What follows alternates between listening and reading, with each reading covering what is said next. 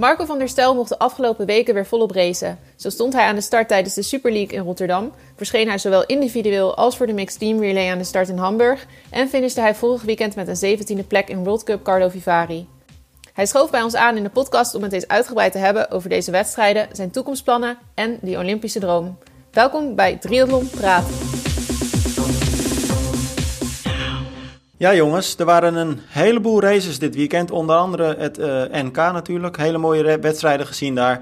Maar daar gaan we het dit keer een keer niet over hebben. Want we gaan het een beetje anders doen deze week. We hebben een gast. En niet zomaar een gast. We hebben niemand minder dan, uh, nou ja, we noemden het net ook in de intro natuurlijk al. Marco van der Stel. Marco vanuit Sittard, welkom. Tof dat je erbij bent. Ja, dankjewel. Ja, ik zit in Stijn. Ik woon, het, ik woon in Stijn natuurlijk. Maar... Oh ja, nou inderdaad. Nou, dan gaan we al gelijk de fout in. Dat is wel erg knullig. hey, maar hoe is het met je? Want het is, een, het, is een, het is een bijzonder jaar. Dat hebben we natuurlijk al een aantal keren ook in onze podcast uh, besproken met elkaar. Uh, maar eindelijk, de afgelopen week, heb je weer een beetje kunnen racen. Hoe was dat? Ja, ja het was inderdaad... Het begon natuurlijk eigenlijk in maart. Zou het eigenlijk beginnen. En toen kwam corona. Tja. Toen werd ik zelf ziek en dat duurde eigenlijk heel lang voordat dat beter ging. Um, ja, want heb, heb jij zelf uh, het idee dat je, dat is misschien een rare vraag, maar corona hebt gehad? Of is het echt gewoon iets anders geweest? Nou ja, ik had in principe alle klachten had ik. Alleen ik, toen de periode dat ik het zeg maar had, was het, uh, ben ik bij de dokter geweest. En toen was de situatie, als je niet in China of Italië was geweest, had je geen corona. Ja. Ja. ja, precies. We mogen hier niet getest worden, inderdaad. Ja, ja dat kon toen nog niet eens. Nee. En uh, ja, op het moment dat je dan kon testen tegen antistoffen eigenlijk, heb ik, een, heb ik een test gedaan, maar die waren niet meer te vinden. Dus ja, of niet, of niet meer. Uh, dus ja, het is nooit vastgesteld, maar... Ja, maar je hebt lang klachten ziek. gehad? Ja, ik ben vaker ziek geweest, maar ik heb echt gewoon een week in bed gelegen. En, uh, maar ook ja. gemerkt aan je herstel? Wel, ja, zeker. Ja, daar heb ik echt twee maanden wel, uh, wel last van gehad. toen begon ik weer te trainen en ja, dan, als we dan bijvoorbeeld tempo duur deden, dan uh, ging het tot 3,45 eigenlijk heel makkelijk en dan boem, klaar.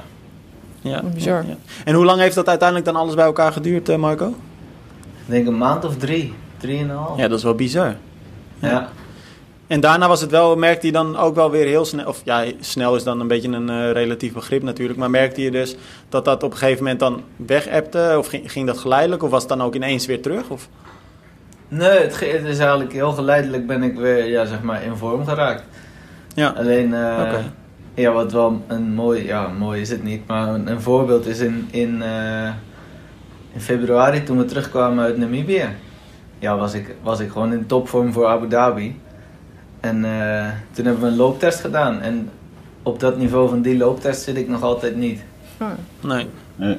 Jeetje mina. Dat is echt een uh, heftige impact dus. Ja, wel vergelijkbaar. Maar ja, je zou zeggen dat je na een half jaar eigenlijk ideaal trainen... daar toch wel weer een stap overheen zet. En ik heb gewoon eigenlijk een half jaar nodig gehad om weer op het niveau te komen waar ik zat. Dus. En dat is niet van de hoogtestage of zo? Nou ja, natuurlijk is dat ook een, een extra stapje dat je natuurlijk dan hoogte hebt gehad en nu niet. Maar uh, ja, in principe zo een half jaar daar... Uh, wel aan voldoen, zeg maar. Ja. Maar hoe frustrerend is dat dan? Uh, want ik kan me voorstellen dat dat ook wel een beetje in je hoofd gaat zitten. Ja, ja op zich heb ik vo voornamelijk met het fietsen ja, heel veel gedaan. En lopen gewoon normale kilometers eigenlijk, niet extreem. En, uh, dus het was ook wel onze gedachte om frisser te gaan lopen in plaats van het loopniveau te verhogen, zeg maar. Ja, ja. Nou, daarover gesproken, laten we het met elkaar hebben over uh, de wedstrijden van de afgelopen weken. Want het kon nu dus eindelijk weer uh, losgaan. En ja. uh, nou, dan pak ik even een lijstje erbij. Zo stond je onder andere aan de start bij de Super League Triathlon in Rotterdam natuurlijk. kort daarna het WK Sprint in Hamburg. Ook de Mixed Team Relay daar. En op, op het laatst nog de World Cup in, in Carlo Vivari. Nou, laten we gewoon eventjes met, met de Rotterdam Super League Triathlon beginnen. Ja. Je werd daar tiende van de tien. We hebben jou toen ook gesproken. Um, en toen zei je, dit zegt me eigenlijk nog niet zo heel veel. We zullen de vorm wel in Hamburg uh, gaan zien. Um, ja, toen, toen zei je ook al, het was vooral heel erg fijn dat we eindelijk weer konden racen. Uh, kijk je daar nu nog steeds uh, zo naar? Was het gewoon vooral fijn dat je eindelijk weer eens kon kijken van, nou ja, zo sta ik ervoor en dit is mijn vorm? Ja, op zich heb ik daar redelijk naartoe gewerkt. Ehm het was natuurlijk een, een, hele dubbele situatie op dat moment. Want uh, ja, ik ben eigenlijk met Quinty zeg maar, een beetje naartoe gaan groeien en gaan werken. En uh, twee dagen van tevoren had zij eigenlijk een stressfactuur. Ja. Dus ja, dan is, ja, voor mij was de pret ook wel een beetje gedrukt eigenlijk. Omdat je daar toch ja, samen naartoe werkt en dan ja, komt er eigenlijk zo'n klap voor haar. Ja. Ja. Dat had ik op zich. Maar hoe, hoe, heb je, hoe heb jij het zelf ervaren? Als, ondanks weet je, uh, het een hele andere format dan, jullie, dan, jullie, dan, dan jij ook uh, tot nu toe gedaan hebt. Hoe heb je dat zelf ervaren in Rotterdam?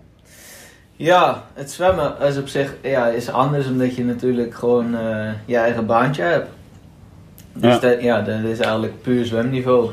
Eh ja, daar was ik niet helemaal tevreden over, maar eh, het zwemmen, of ja, dan het, het fietsen, dat is op de tax op Zwift. En ik, ik vond het eigenlijk was het, ja, je zat dan in de wedstrijd zeg maar, maar ik had eigenlijk niet het idee dat ik met zeg maar tien van de beste Nee. eh, aan het racen was. Je zit eigenlijk maar wat achter poppetjes aan te rijden. En, Zwift, Zwift Ja. wel eens in je vrije tijd als training of doe je dat nooit? nee, ik had het van tevoren één keer gedaan. Om het te pro- om het te Maar dan is het ook wel lastig, hè? Ja. Ja, op zich, ik had dan eh, de week van tevoren heb ik het denk ik twee keer gedaan om toch eens even te kijken hoe dat zit met, met gaatjes dichtdraaien en in de wielen rijden en demereren. Maar ja, het is heel anders. Het is eigenlijk, ja, het is meer een spelletje zeg maar. Ja. Nou, laten we die wedstrijd dan niet al te, te lang bespreken, ook omdat we dat natuurlijk al eh, gedaan hebben. Ja. Laten we dan een eh, weekje, of misschien was het twee weken, dat weet ik even niet meer, eh, verder in de tijd. Toen kwam het WK Sprint in Hamburg. En dat Ja. was dus een wedstrijd waarover jij in Rotterdam zei, dan zullen we eigenlijk echt zien hoe die vorm is, hè? Ja, Ehm, daarna komen we trouwens bij Carlo Vivari hoor, want dat was echt een uitzonderlijk goede prestatie. Ehm, maar Hamburg viel een beetje tegen, denk ik. Eh, maar hoe kijk jij naar die wedstrijd? Je werd de 41ste op 2 minuten 15 van eh, Vincent Louis, die, eh, die de wedstrijd natuurlijk won. ja. Ehm, ja, tevreden, ontevreden? Hoe kijk je daarnaar? Nou ja, het viel eigenlijk niet een beetje tegen. Het viel gewoon zwaar tegen. Ja. En het in principe eigenlijk al bij het zwemmen. Ja, ik zou normaal zit ik zeg maar top 15 uit het water in de WTS. Ja, nu kwam je 40ste uit het water, hè? 22 seconden achterstand. Ja. En eh, ja, op een gegeven moment zag ik van de tweede naar de derde boei zag ik Richard voorbij zwemmen. En ja, ik kon gewoon niet harder, dacht ik. ja. Terwijl, terwijl jij natuurlijk wel, althans, kijk, eh, kijk we hadden, eh, wij hebben het er zelf ook al over gehad, over jouw zwemniveau in een paar podcasts geleden. Maar jouw zwemniveau moet natuurlijk gewoon veel hoger zijn, althans is in de basis veel hoger dan die van Richard bijvoorbeeld. Ja, precies. Ja. ja, normaal zou ik zeg maar, schat ik mezelf op top 15 in de WTS, top 10 in de World Cup en nummer 1 tot 5 in, een in een Europa Cup, zeg maar. Ja. En eh, Maar als je kijkt naar, kijk, ik kwam nu al eh, 40ste het water uit, maar uiteindelijk is het 22 seconden. Dat gat lijkt niet heel groot. ja. Maar dat kan wel, dat is meestal, ja, dat weet jij zelf natuurlijk ook als geen ander. Je ziet altijd wel dat het dan ergens gaat breken in de wissel. ja, zeker ja. Ja, er was nu een En- klein groepje weg, dus ja, als ik, Ja. als ik 10 seconden harder had gezongen, had het voor de wedstrijd zelf denk ik niet uitgemaakt. Maar, eh, Maar dan zit je net wat, misschien net wat beter in je velden, eh, ga je de fiets op. Ja, dan zit je net wat comfortabeler, hoef je niet echt vol op de limiet te wisselen en de, in de eerste kilometer te rijden. Ja, Ja. nu zat ik eigenlijk volgens mij in eerste instantie in de derde groep en dat raapte dan de tweede groep op. Ja. Maar kan je de vinger Ja. erop leggen wat het dan was, wat het, waardoor het zwemmen in die wedstrijd tegenviel? Was dat eh, altijd met wetsuit te maken of zo merk je vaker dat... Want het was een wetsuitzwem geloof ik hè? Zit je dan vaker wat verder naar achter? Ja, ik merk wel dat als het zonder wetsuit is, dat ik gewoon beter tot mijn recht kom. Eh, en ik merk ook, dat is al een aantal jaar, twee of drie jaar geleden hebben we geprobeerd om een keer minder te gaan zwemmen en een keer extra te gaan lopen. En toen kwam ik eigenlijk ook aan het begin van het seizoen ja, niet, niet goed uit het water. Dus ik denk dat ik ook gewoon echt wel mijn kilometers nodig heb in, in het water. En ja, dat is natuurlijk in de, in de coronaperiode best wel erbij ingeschoten. Ja. En Ja. eh, dus zijn we nu nog eigenlijk voorzichtig aan het opbouwen om eh, schouderblessures te voorkomen. Hé, maar dan word je uiteindelijk 41ste, Marco. Ja. En dan, nou ja, je zegt het zelf, zwaar teleurstellend noem je dat dan. Dat Ja. weet je dus ook die dag al. En dan weet je dat je die volgende dag die, die mixed, relay, eh, mixed team relay mag gaan doen. Ja. Ehm, en dat in het jaar voor de Olympische Spelen. Hè. Eigenlijk hadden jullie dit jaar op die Olympische Spelen al eh, moeten staan. ja. Ehm, gaat het dan al in je kopje zitten van... hey, ik heb niet de vorm die ik wil hebben, maar morgen moet ik eh, pieken. Hoe werkt dat voor jou? Nou, toen ik over de finish kwam, had ik echt zoiets van, ja, ik heb een half jaar mijn eigen mijn ballen eraf getraind en dan komt dit eruit. Daar heb ik echt, Ja. geen, zin, heb ik echt geen zin meer in. Nee. Ben je dan echt niet te genieten dus? Eh, nou, op zich valt dat nog wel mee, maar ja, ik was gewoon vooral verdrietig en ja, boos op mezelf of, of geïrriteerd. Maar kan je dat dan wel na een, na een aantal uur gewoon omzetten, die knop, en denken van oké, morgen staat, eh, staat, sta ik niet alleen. Want kijk, het is natuurlijk wel heel iets anders, zo'n mixed team relay. Dan staat er in één keer een team. Dan moet je ook eh, met je teamgenootjes zeg maar eh, het doen. Dat is het niet alleen, maar ja, je bent wel een hele belangrijke schakel in die mixed team relay natuurlijk. Ja, ja, we hebben dat s'avonds na de damesrace, heb ik dat met Jordi en Louis, hebben we daar gewoon eh, goed over gesproken. En eh, ja, daarna heb ik Ja. ook gewoon de knop om kunnen zetten en gewoon weer focussen op de, op de relay. En, eh, Maar jij zegt, dat vind ik wel een interessante dat je dat zegt. Je zei ik werd boos, maar ook verdrietig eh, op mezelf. Of, Ja. en, over de prestatie dus. Eh, Mhm. Dat geeft wel echt aan hoe diep het bij jou zit. Hè? Eh, Hoe graag je dus ja, goed wil presteren. Ja, ja je, doet, je doet er natuurlijk alles voor. En als je dan ja, 40ste wordt op een WTS waar je ja, zeg maar top 30 op dat moment ambieert. Ik weet ook wel dat ik niet voor de medailles meedoe. Maar ik had wel gedacht dat ik er dichterbij zou zitten. En dan is dat op dat moment gewoon ja, heel confronterend, zeg maar. Ja. Ja. En, dan, en dan dus in de avond een gesprek met Jordi en Louis, eh, zei je net. Ja. Knop om. ehm, maar gaat die knop dan ook echt om? Want ik kan me voorstellen dat ook als je de volgende ochtend wakker wordt en weet van oké, vandaag moet het dan weer gaan gebeuren. Het zit Mhm. natuurlijk nog steeds in je achterhoofd. Ja, maar op zich ben ik wel. Weet ik ook van mezelf dat ik eigenlijk- dat normaal gezien mijn prestatie in de relay niet eh overeenkomt met mijn WTS-prestaties, zeg maar. Ja. Dat ik Vanwege de- het feit dat het een heel ander format is. Ja, dat ik eigenlijk veel beter ben in een relay als in een, in een sprint of een OD. Ja. Nou, je had nu ook wel echt pech hè, tijdens die mixed relay. Want je zat er eigenlijk eh, goed bij. Je miste alleen op, nou ja, wat was het, twee, drie seconden denk ik, die aansluiting op de fiets. Waardoor je uiteindelijk dan veel tijd begon te verliezen. hè? Ja. Ja, Maya die had eh, in principe heel goed gezongen. Ik kwam geloof ik als tweede of derde uit het water. Maar ja, ze kreeg die dag gewoon de wissels niet geregeld. En eh, ja, op, zich op de fietsen zelf was ook goed. En de looptijd liep ze dezelfde looptijd als Rachel. Alleen verloren ze volgens mij in totaal 17 seconden in de wissels. Ja. Ja, dat is net, net wel die puntjes die je nodig hebt hè, bij zo'n mix relay. Want dat is echt gewoon. Ja, we hebben het wel vaker over, wij ook met z'n drieën. Maar Ja. heel veel triatleten denken van, ja, weet je, het gaat om zwemmen, fietsen, lopen. Maar bij zo'n relay is echt zo'n vierde onderdeel, de wissel, echt nog veel meer dan, van belang dan op een Olympische afstand nog. Ja, zeker omdat het ook zo kort is en zo hard gaat. Ja, je hebt gewoon niet de tijd om, eh, om drie seconden goed te maken eigenlijk. En trainen jullie daar dan veel op, op die wissels ook? Onder druk of zo? Eh, dat je dat- Nee, niet specifiek eigenlijk. In principe is het gewoon eh, een aandachtspunt. En als je, ja, als je goed bent, dan lukt dat ook gewoon. ja. Maar uiteindelijk eh, worden jullie dan eh, elfde met, Ja. met, het, eh, met de team relay. En dan ook nog de kanttekening bij dat Australië en Nieuw-Zeeland toch twee ijzersterke landen er niet bij waren. Ja. Ehm, ik omschreef het die dag in mijn eigen artikel op Triathlon ehm, als ja, Nederland zakt eigenlijk volledig door het ijs. Jullie hadden de verwachting uitgesproken om zesde te worden. Althans, dat deed de bondscoach Louis dus. ja. Ehm, nou ja, ja, daar kwamen jullie gewoon niet aan. Hoe is, hoe is dat voor, voor je? Want ja, je zei net al, ik, ik, ik werd verdrietig van die dag ervoor eigenlijk. Maar ja, dan, dan, dan word je dus elfde. Stel je jezelf hoogstwaarschijnlijk weer eh, zeer teleur. En ja, dan lees je ook dat soort dingen die eh, waarschijnlijk niet heel leuk zijn om te lezen. Mm. Eh, hoe, hoe ga je daarmee om? Ja, op zich, we hebben na de wedstrijd hebben we natuurlijk, ja, met de, met de ploeg hebben we de wedstrijd geëvalueerd. En ja, we hebben elkaar daar niks verweten, omdat ja, we weten gewoon dat iedereen altijd het maximale doet wat hij kan doen. Eh, maar er is ook uitgesproken dat we het op deze manier niet halen. Nee. Maar wat moet Nee, er dan jullie anders, Marco? Eh, nou ja, in dit geval moesten de wissels van Maya beter. Maar goed, dat is ja. dat Ja, maar is dat op dat is- moment denk ik een aandachtspunt en ja, misschien focus. Of ik weet, ja, ze was natuurlijk helemaal in de rokken van de, van de individuele zesde plek en volledig terecht natuurlijk. Eh, ja, Ja, want dat is natuurlijk niet iets structureels. nee, die, die, die wissels. Nee, nee. Normaal. Maar, hebben jullie, maar wat, wat- wat ik dus ei- eigenlijk een beetje probeer te vragen, wat misschien wel heel lastig is om te beantwoorden hoor, dat, dat geloof ik best. Mhm. Maar is er dus iets structureels waarvan jullie zeggen, nou ja, dat moet dan eigenlijk beter om toch die aansluiting richting, richting die Olympische Spelen te halen? Omdat je ziet dat een paar jaar terug hè, pakten jullie hele goede klasseringen, derde op het WK, derde op het EK. Mhm. Eh, zaten jullie er eigenlijk altijd goed bij, ja. maar dat zakt steeds een beetje verder terug. Ja.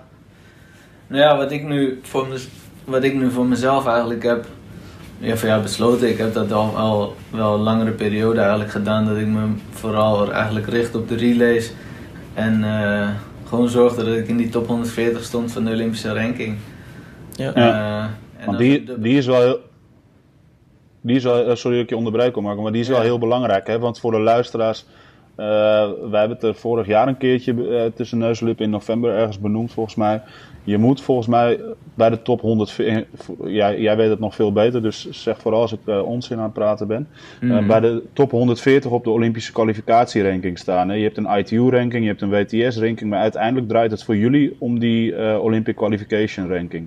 Ja, dus, in, dus, dus eh, er zijn eigenlijk twee rankings voor de relay belangrijk. Dat is gewoon de, de relay ranking. Ja, daar staan we op dit moment zevende. Ja. Eh, en als we dat bewaren, dan zijn we direct geplaatst. Eh, maar stel dat we eerste zouden staan op die relay ranking en geen van onze atleten zou in de top 140 staan, dan kan je niet Ja. meedoen.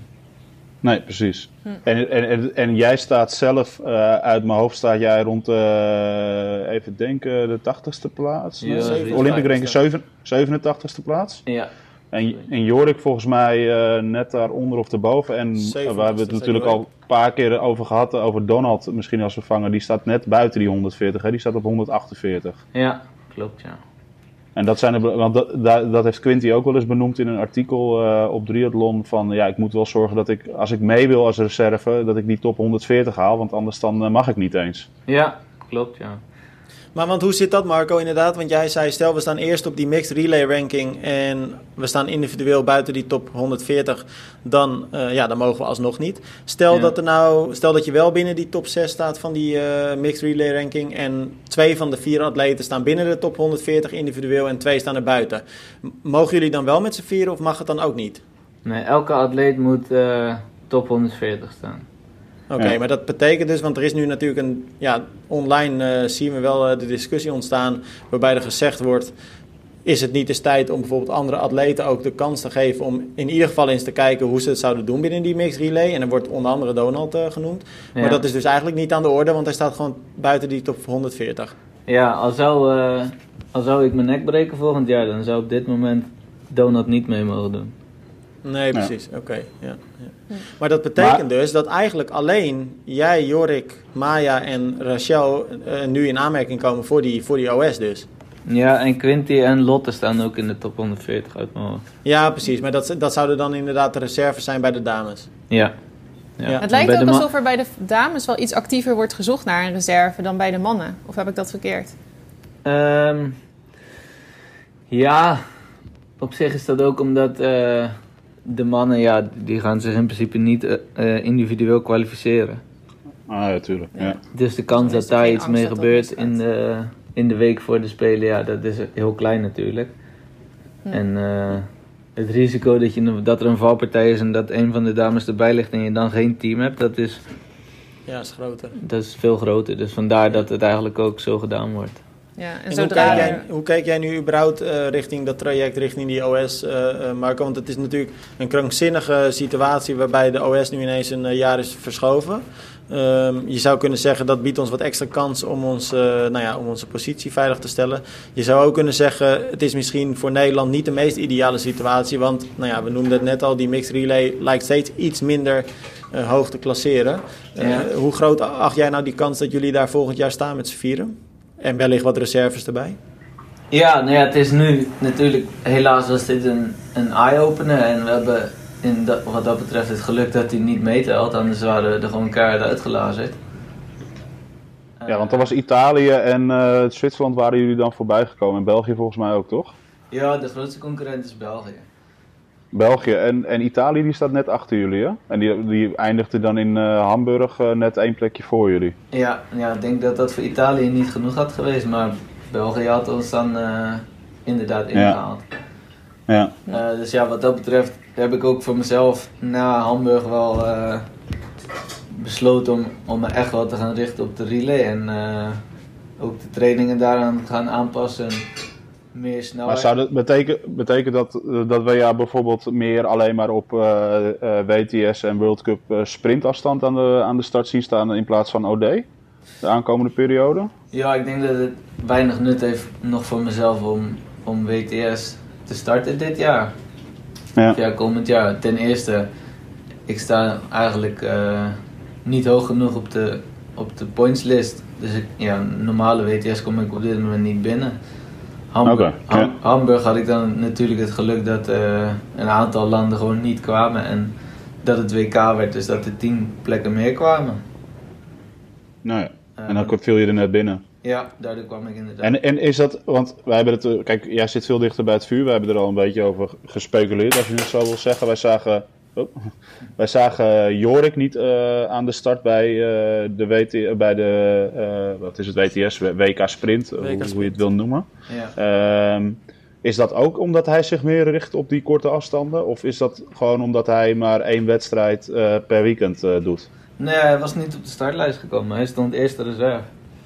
Ah, Hij oké. zou het wel mee Hij stond willen er- doen, maar eh, hij mocht niet. Nee. Oké, want dat is, dat is een beetje. en Dat, dat, vind ik, dat vind ik zelf het lastige. Ik, ik zit er wel redelijk in, maar ik kan voor onze luisteraars voorstellen. Je hebt zoveel verschillende rankings dat je af en toe niet weet welke ranking je moet kijken om bij een wedstrijd naar binnen te komen. Ja, Want op de ene ranking staat Jorik weer hoger dan, dan, dan jij staat. En op de andere ranking sta jij weer hoger dan Jorik staat. Het is, eh, het is, het is af en toe even lastig. ja, ja, in principe is de, de world ranking, daar kom je alle wedstrijden mee binnen. Oké. En dat is ook een, een doorlopend traject eigenlijk waar alle wedstrijden van de laatste twee jaar meetellen. Dus Europa Cups, eh, wereld, wereldbekers, EK's, WK's. En, eh, en dat is de ITU World Rankings, is dat? Ja, dat is de IT World Ranking. Dan heb je de Olympische ranking, die telt eigenlijk maar twee jaar. Ja. En daar tellen alleen wereldbekers en eh World Cups. Of en eh, WTS. Ja. Ja, dan heb je de WK-serie, dat is eigenlijk WTS alleen. Ja. En dan heb je nog de ETU-ranking en dat zijn de Europa Cup-serie eigenlijk is dat. Ja, ja, precies. Maar veel rankings dus, veel eh, wedstrijden ook. Hoe kijk jij, hoe kijk jij naar ehm, het huidige Nederlandse triathlonniveau? Als je het, en dan heb ik het over jullie afstand, hè, dus die, die sprints, die OD's, de mixed relay. Als je dan eh, ja, dat vergelijkt met, met, internationaal, eh, eh, met internationale atleten, dus hoe verhouden jullie zich tot echt die, die top? Dan zit je daar wat onder. Ja. Ehm, ja, hoe, hoe kijk jij daarnaar? Want ik kan me zo voorstellen dat het voor, voor een atleet als jij... Kijk, jij kunt eigenlijk elke wedstrijd in Nederland starten... en dan zul je, nou ja, in, in 99% van de gevallen zul je top 3 eindigen... en in waarschijnlijk 95% zul je ook eh, winnen. Hmm. Ehm, maar internationaal ja, loop je toch altijd tegen dat punt aan... dat je ja, gewoon een beetje achterstand hebt. Eh, is, is dat frustrerend soms? Ehm, ja, nou ja, het niveau is gewoon eh, super hoog natuurlijk. En eh, hoe moet ik dat zeggen? Ja. Ja, maar is het, is het lastig om daarmee om te gaan? Ja, het is, het is ook een beetje een verwachtingspatroon. Ehm, op zich weet ik voor een, voor een WTS dat ik niet ga meedoen voor de knikkers, zeg maar. Eh, dus ja, daar is als ik een, een top 30 of een top 20 haal, is dat op dat moment een, een hele goede wedstrijd. En zeg maar, een, eh, een World Cup is normaal gezien zeg maar, mijn doel top 15.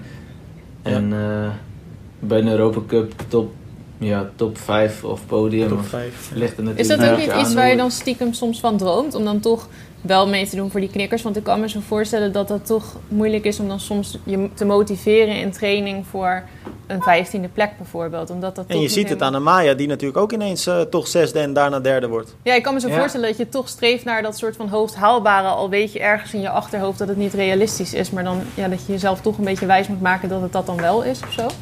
Ja. Of zie je dat niet zo? Ja. ja, je ziet nu natuurlijk dat de dames gewoon eh, eigenlijk een stuk beter zijn dan de mannen. Ja. En eh, ja, of dat komt door de, door de dichtheid van het veld. Daar hebben we het vorige week natuurlijk ook over gehad. Ja. Eh, dus ja, het niveau is, is heel hoog en eh, ja, wat dat betreft komen de mannen eigenlijk net tekort. Maar vind jij dan nee, dat er vanuit buitenaf bijvoorbeeld te veel eh, eh, verwacht wordt, ook van jullie? Omdat je zei, ja, misschien zijn de verwachtingen soms te hoog. Maar, eh, heb je dat idee dat er ook door, vanuit buitenaf, misschien ook wel vanuit de media, vanuit ons, Triathlon, eh, dat de verwachtingen soms te hoog worden gesteld? Of ervaar je dat niet zo? Ehm, nee, in principe niet. Eh, kijk, jullie doen natuurlijk gewoon verslag van de wedstrijden. En ja, jullie, jullie kijken de uitslagen en de wedstrijden mee. En daar, daar worden verslagen over geschreven. Ja, de verwachting. Ik denk dat je de druk leg je zelf op je schouders. En je weet, je weet zelf Precies. wat je, wat je wel en niet kan. En eh, als ik bijvoorbeeld 28 had geworden in Hamburg... dan had het voor mezelf misschien een hele goede wedstrijd kunnen zijn. Maar Ja. valt de uitslag nog altijd tegen voor Nederland, zeg maar. Ja, maar dat, dat is denk ik ook. Daar hebben wij het eh, een paar podcasts terug. Ik weet niet of je die geluisterd hebt, Marco, maar daar over, met de junioren eh, stukken over gehad. Ja, Kijk, voor de ene is een twintigste plaats op een ETU Cup is heel goed. En weten we ook van, eh, dat weet je, er zit, de, ik doe pas twee jaar triathlon bijvoorbeeld en is het heel goed. Maar Mhm. eh, het is ook wat je zelf roept. Hè? Kijk, jij zegt nu gewoon heel duidelijk van, als ik top 30 doe, dan doe ik het hartstikke goed. Ja, Eh, maar als, jij, als iemand anders, als jij gaat roepen altijd, ik moet top 5 bijvoorbeeld doen op de WTS. En ja, je wordt dan, ja, je valt altijd boven, buiten die top 15. Ja, dan gaan mensen natuurlijk een oordeel heel makkelijk vormen over je. En zeggen van ja, die, Mar- die Marco die roept altijd maar lekker wat. Maar eh, dat kan hij helemaal niet waarmaken. Maar het is ook wel een beetje van hoe je er zelf in staat, eh, vind ik. ja, en, en, en ook, je, jij kent je eigen grenzen. En jij kent ook van wat kan ik wel en wat kan ik niet. En wat ik nu wel heel mooi vind aan jouw verhaal net, is gewoon dat je zegt van ja, ik weet dat ik niet mee ga doen om die knikkers. Maar uiteindelijk is volgens mij, als ik jouw eh, woorden goed beluister, is het hoogst haalbaar is de Olympische Spelen. ja, En dat ga ik op één manier bereiken. En dat is de mixed team relay. Dus ik ga daar nu alles aan doen. ja, zeker, ja. En, eh, Ja, maar dat vergt behoorlijk wat, wat, wat eh, nou, ik ben het woord eventjes kwijt, maar in ieder geval de mogelijkheid tot schakelen. Want je moet dus wel tegen jezelf kunnen zeggen, oké, plan A lukt misschien niet, ik ga alle pijlen op plan B zetten. Ja, ja, ik had eigenlijk had ik al aan het begin van de Olympische cyclus was ik eigenlijk al wel zo ver dat ik wist dat ik niet. Ja, voor Nederland moet je gewoon top 6 in de WTS doen om je te kwalificeren. Ja. En eh, ja, met een, met een super wedstrijd zou ik misschien een keer twaalfde kunnen worden, zeg maar. Eh, als er dan 12 man wegrijden of 10 man wegrijden en je dan nog een hele goede dag hebt met lopen. Maar ja, in de huidige mannenwedstrijden is het gewoon zo dat het 9 van de 10 keer terugkomt. Behalve als je Eh, drie noorden voor hebt, op hebt. ja, ja. En eh, ja, ik heb, ik, kijk, die jongens lopen allemaal los eh 13.30 of 13.40, de, de top 10. En eh, ja, daar zit ik gewoon eh, zeg maar een dikke minuut achter. Dus dat is ook niet realistisch om tegen mezelf te zeggen: ik ga mezelf kwalificeren. Nee. Eh, is er dan een punt dat jij richting dat soort tijden kunt, of is dat echt je grens? Ja, weet ik niet. Ik heb nu, ja, dan aan het begin van de coronaperiode heb ik een eh 5 kilometer dan gelopen, los, zelf. Op een eh, beetje gravel-achtig eh, draaien keer heen en weer parcours. En dan liep ik 14,59. Ja. Eh, dus ik denk, ja, ik heb nu voor mezelf voor deze winter opgeschreven dat ik onder de 14,30 wil lopen. Ja. Eh, Zo. Dat is rap. ja. En dan ben ik nu, ja, ik ben nu ook wel met eh, een beetje een, een, ja, niet echt een andere weg ingeslagen, maar ik ben wel meer een eh, lokale loper aan het opzoeken hier in Limburg, Roel Wijminga. Ja. Oh ja. En, eh, En wat zijn dan in dat opzicht ook jouw, jouw langere termijn doelen, eh, Marco? Want nou ja, alles wordt nu dus gezet op die Olympische Spelen. Nou, dat is eh, een jaartje vooruitkijken, eh, minder nog. Ja, Ehm, even eventjes ervan uitgaande dat jullie de Olympische Spelen halen of niet. Dat maakt even geen verschil. Maar wat, wat staat er daarna dan uh, te wachten? Wat, kijk je daar dan naar? Of is het inderdaad echt alleen nu nog maar gewoon die Olympische Spelen en daarna kijk je verder? Ja, voor nu is het gewoon, gewoon zaak om, om te focussen op, uh, op de Spelen te halen. En daarna of ik nog lange afstand wil gaan doen of whatever. Dat, ja, dat zie ik dan eigenlijk wel, ja. Ah, maar je, je, gaat, je komt af, af en toe, je gaat heus, ik, ik ga nu al voorspellen, je gaat ooit nog wel een keer een halve doen om een langere werk te proeven. Ik ga zeker wel een keer al. een halve doen, ja. Ja, zeker. maar ook wel een ja, hele, toch? Uh, dat weet ik nog niet. dat hangt er vanaf hoe die uit die halve komt, denk ik. hey, maar maar ik, ik, denk, want we zeiden het net in de intro ook, hè, want we hebben het nu heel erg over Hamburg en teamrelay. Ik denk een van de belangrijkste zaken natuurlijk voor jou ook uh, richting de Olympische Spelen. Maar een week later stond je aan de stad van Calovivari. En uh, ja. daar zette je wel... Het was een World Cup en je zei net, ja eigenlijk bij World Cup top 15 ben ik tevreden. Maar we mogen toch wel zeggen dat het een beetje een WTS startveld had, of niet? Ja, ik zei van tevoren dat het de tweede WK in een week was eigenlijk. Ja, ja, hè? ja was best zo sterk. Ja. Dat was echt bizar. Maar ja. verbaasde je jezelf daar dan met een... Want je werd 17e, eigenlijk uh, op 2 minuten 49. Ook weer achter Vincent Louis. Nou, die, die, die jongen die wint gewoon alles. Ja. Maar uh, 17 is dan echt wel goed. Ja, ja van tevoren... Ja, je zit, ik zat natuurlijk eigenlijk nog, wel, nog steeds met Hamburg in mijn hoofd. En ja, ik had er eigenlijk eerlijk gezegd wel een beetje een hard hoofd in of, ik, uh, ja, of het wel goed zou komen daar. Ja. En uh, dus ik had voor mezelf vooral eigenlijk hele korte doelen gesteld. Om gewoon ja, de wedstrijd zeg maar, door te komen met ja, zeg maar, procesdoelen en niet uh, bezig zijn met hoeveelste moet ik worden om tevreden te zijn. Ja. Uh, nou ja, het eerste doel was gewoon zo snel mogelijk eigenlijk bij de eerste boei zijn. Nou ja, dat lukte niet. Gaat gelijk in je hoofd zitten, denk ik dan. ja, is, het, is het, Marco, is het nog steeds die zwemstart vanaf uh, die betonnen kant dat je erin duikt in dat meertje daar? Net buiten, uh, buiten Calovivari? Ja, ze hebben wel een, uh, een steiger. Er is wel een steiger gemaakt. Arjan wil oh, namelijk graag op nonchalante wijze laten weten dat hij daar ook een keer heeft gekeken. Nee, uh, twee, twee, keer, hey, hey, twee keer. Nee, nee maar ik weet, ik, nee, ik weet nog uit het verleden, omdat het best, ik vraag het omdat het uh, voor die eerste boei, ik weet uit het verleden dat uh, in het midden zit een eilandje uit mijn hoofd. Ja. En is het een heel smal zwemparcours. Ja, het is, volgens mij was het 240 meter naar de eerste boei en daarna was het eigenlijk rondjes draaien.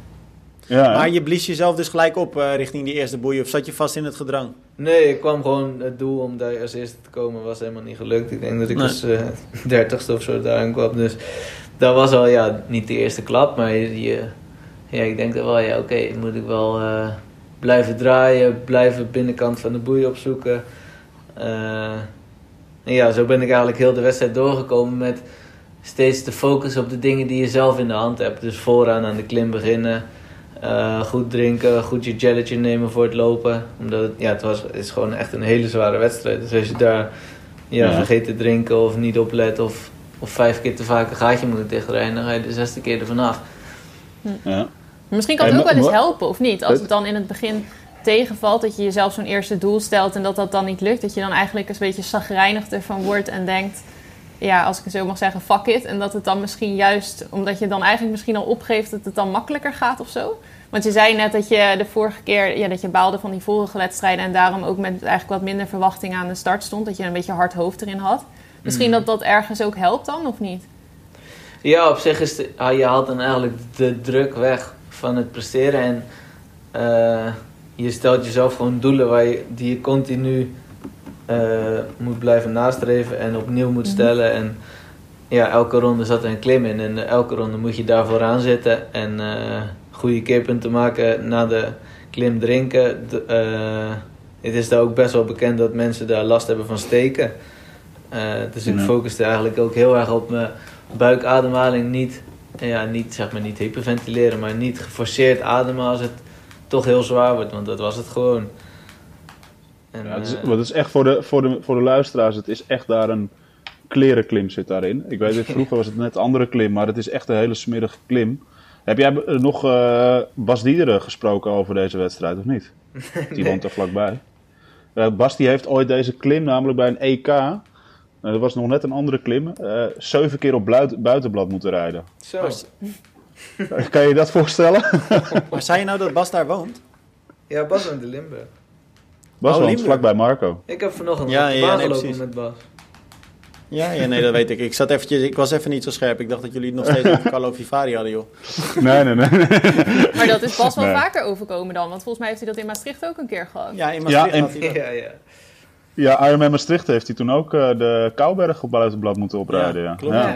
Hey, maar eh, Marco, wat ik me nu heel erg afvraag, hè, en, maar misschien ga ik daarin een stapje te ver. Ehm, ik, ik zit nu dan, eh, nou, we zijn nu 35 minuten bijna met elkaar in gesprek. Mhm. Ehm, wat me dan heel erg opvalt is, als ik het zo een beetje tussen de regels doorluister, ehm, is dit niet het meest makkelijke jaar voor je geweest. Hè? Want je zegt, ik ben ziek geweest. Nou, toen heb ik een half jaar eigenlijk lopen struggelen om weer op het niveau te komen eh, eh, dat ik al had. Vervolgens volgden een aantal wedstrijden waarin je jezelf, nou ja, je, je noemde het zelf zwaar teleurstelde. Eh, je werd er boos, je werd er verdrietig van, teleurgesteld. Ehm, maar tegelijkertijd moet je ook blijven genieten van die sport. Moet je blijven investeren. Ook toen we deze afspraak maakten voor de podcast. Toen zei je, kunnen we het om 12 uur doen? Want dan kan ik in de ochtend eh, nog even lopen. En dan kan ik daarna naar het zwembad of andersom. Ja. Ehm, hoe, hoe lastig is het om, om die motivatie te blijven vinden... en te blijven genieten van die sport... in een jaar dat alles ja, toch een beetje lastiger gaat dan je vooraf had gehoopt? Ja, op zich, het, door het jaar heen was het natuurlijk toen, het, ah, toen alles werd afgelast en zo, was het, heb ik het denk ik een weekje een beetje ja, moeilijk gehad om me te motiveren. En ja, dan moet je ook gewoon de tijd nemen om eh, even een stapje terug te doen en te wachten totdat je eigenlijk weer zin krijgt om te trainen. Eh, maar ja, dat duurde eigenlijk maar een week. En toen eh, ben ik eigenlijk gewoon heel goed gaan trainen, zo tussen de 25 en de 30 uur steeds. En hebben we in die periode ook ja, steeds doelen gesteld. Eh, we gingen 200 kilometer fietsen, we gingen naar Luxemburg fietsen. Eh, dus wat dat betreft hou je het op die manier leuk en ontdek je nieuwe dingen en eh, nieuwe gebieden. Wat super mooi is. En ja, dat, dat, op dat moment is het, ben je aan het trainen, maar is het natuurlijk ook gewoon genieten. Ja. Het is wel eh, grappig dat je dat zegt. Bijvoorbeeld onder andere die 200 kilometer fietsen. Want ik weet niet of je dat toevallig gelezen hebt. Eh, we hebben natuurlijk een interview met bondscoach Rick van Tricht gehad. Bondscoach lange afstand. Ja. Die noemde dat totale gekkenwerk. Noemde die dat voor, eh, voor atleten zoals jullie. Oké, ja. Ja, dat kan, ja. Zeg, Nee, maar is het... Oh, sorry, ga door. Nee, ja, het is een, wat dat betreft is het een mentale uitdaging. Eh, Ja. Een fysieke uitdaging, want ja, 200 kilometer had, je, had ik nog nooit gedaan. En, eh, Maar maar wat ben ik, ik toch nog een keer beter dan jij. wat, ik vooral wat ik vooral daarna merkte, is dat als je dan bijvoorbeeld 4 uur gaat fietsen, dat je denkt, ja, wat is nou 4 uur? Ja. Ja. Maar is het, is het juist inderdaad... Want, kijk, ik, eh, die, die opmerking over 200 kilometer fietsen... Juist moet je toch in dit soort periodes ook... eh, nu zijn er weer wedstrijden, maar toen waren er helemaal geen wedstrijden. Gewoon zelf uitdagingen blijven zoeken... wa- waardoor het trainen ook leuk blijft voor jullie. Want ik kan me voorstellen dat als je... eh, zeker in de beginperiode van corona, dat als je aan het trainen bent, maar je weet eigenlijk niet waarvoor je aan het trainen bent, dat het vrij lastig kan zijn. Ja, Maar goed, daar hebben we het toch ook al vaker over gehad, Arjan. Wat dat betreft, het blijft voor iedereen toch anders. Ja, zeker. Maar ik ben wel benieuwd hoe Marco daarin zit. Van, ko- haalde je daar je voldoening uit dat je dat soort uitdagingen zeg maar, opzocht? Zo'n 200 kilometer fietsen wat je nog nooit gedaan had. Ja, dat, ja, dat is natuurlijk is heel anders dan een wedstrijd, maar het is wel een, eh, een hele uitdaging voor het lichaam. En ja, dat was gewoon. eh, de eerste keer hadden we dan, was het Heuvelland afgesloten, dus hebben we een vlakke ronde gemaakt richting, eh, richting Brabant. Eh, daarna heb ik het nog een keer naar de Eifel gedaan en nog eens een keer naar Spa. Ja, dit is gewoon. Ja, wat Andere betreft- omgeving. ja, andere omgeving. En het is ook, je bent s'avonds moe, maar het is ook gewoon een, een hele rustige duurtraining. En het is ook niet dat we daar eh, drie weken slecht van zijn of zo. Nee, nee. Eh, 200 kilometer lopen te koersen, dat is wat anders. Ja, Nou, Het is gewoon daarover echt- gesproken. Echt met Ik, ik vergis me volgens mij niet, Marco, toen, eh, als ik zeg dat ik jou ook een rit samen met Quinty zag maken met eh Annemiek van Vleuten, of niet? Ja, klopt, ja. Dat was wel afzien dan, of was dat ook lekker relaxed? Ja, dat was op zich wel grappig. We hadden, we hadden een eh, route uitgezet. En een beetje alle mooie klimmetjes in Limburg meegepakt. En wij dachten, ja, we moeten wel een beetje doorrijden. En we, we draaiden zo'n beetje rond met z'n drieën. Dan, dan ik met Quinty op kop, dan ik met Annemiek, dan Quinty met Annemiek. Zodat we ja, allemaal een beetje konden, konden kletsen. En, Ja. eh, Maar hebben jullie dan zo op, op internet contact met elkaar gelegd? Of komen jullie uit dezelfde omgeving? Nee, ja, Louis coachte Annemieke. Ah. Dus, eh, Oké. die kwam een keer, die kwam, een, eh, kwam twee of drie dagen naar Limburg. En ja, zodoende hadden, hadden die eigenlijk afgesproken om met Quinty te gaan Ja. fietsen. En toen ben ik ook meegegaan. Leuk. Oké. Ja. De komende weken, Marco, wat staat er de komende weken voor jou nu op het programma? ja, ik zou in eerste instantie nog naar eh Liévin gaan. Maar die is eh, gisteren afgelast. Ja. Oké. Ehm, dus ja, we gaan nu de komende... Volgende week begin ik eigenlijk aan een, eh, een zwemblok van twee Hm. weken. Eh, om dit Er staan niet 1, 2, 3 nu wedstrijden op het programma. Nee, ja er, is, ja, er is nu nog Valencia weer bijgekomen. Ja. Maar eh, En misschien een leuk prikkelwedstrijdje in Nederland, dat zie je niet zitten. ja, we zouden met Squadra wilden we Oudekerk meedoen. Ja. Maar eh, uiteindelijk waren er maar twee mensen geïnteresseerd. Dus, eh, Ah, jammer, want ik had jullie daar wel verwacht inderdaad. ja, ja, we hadden ons ook ingeschreven. Alleen, eh, ja, er kwam wat tussen bij bepaalde atleten. En, eh, Ah, ja. Jammer. Ja, Te weinig allemaal- getraind misschien door de corona. Durfden ze niet. Ja, nee, de, de T3 zat ertussen en eh, volgens mij was Ja, er ja. nog ergens een wedstrijd waardoor, eh, ja, waardoor de, alle- uiteindelijk alleen ik en Bart konden. Dus. Oké. Ja, Tim die, richt, dus. Tim die richt zich volgens mij helemaal op het off-road gebeuren ook. Ja, denk het wel. Ja. Die werd afgelopen weekend weer tweede hè, in, eh, in België. Oké. Ja. Was Ja, ook niet, die- niet verkeerd. Nee, Die zat achter zo'n exterra kampioen vlak erachter. Oké. Echt goed. Nou jongens, ik weet niet, hebben jullie nog vragen aan Marco? Volgens mij hebben we helemaal duidelijk hoe hij zich de komende jaar, het komende jaar gaat voorbereiden op die Olympische Spelen. Het wordt een spannend jaar, vooral spannend om te zien of, eh, of Nederland er eh, straks bij is. Laten we vooral hopen dat dat het geval is, want dat maakt die Olympische Spelen natuurlijk een heel, echt een heel erg eh, stuk toffer. Eh, Ja. ja jongens, willen jullie nog iets vragen aan Marco? Nee, ik wil hem alleen maar heel veel succes wensen de aankomende periode. Vooral ook richting 2021 natuurlijk met z'n allen. En eh, laten we hopen dat we eh, van jou Marco en eh, van de dames eh, kunnen gaan genieten op de, op de Olympische Spelen. Ja. Dat hoop ik ook. Daar sluit ik me helemaal bij aan. Dat zou echt mooi Nou, zijn. En daar sluit ik me dan ook bij aan. Heel erg veel succes. En eh, tof dat je eventjes aansloot in deze podcast. Ja, leuk. En hebben we binnenkort weer contact met elkaar. Is goed. Dankjewel. Hoi hoi. Hey.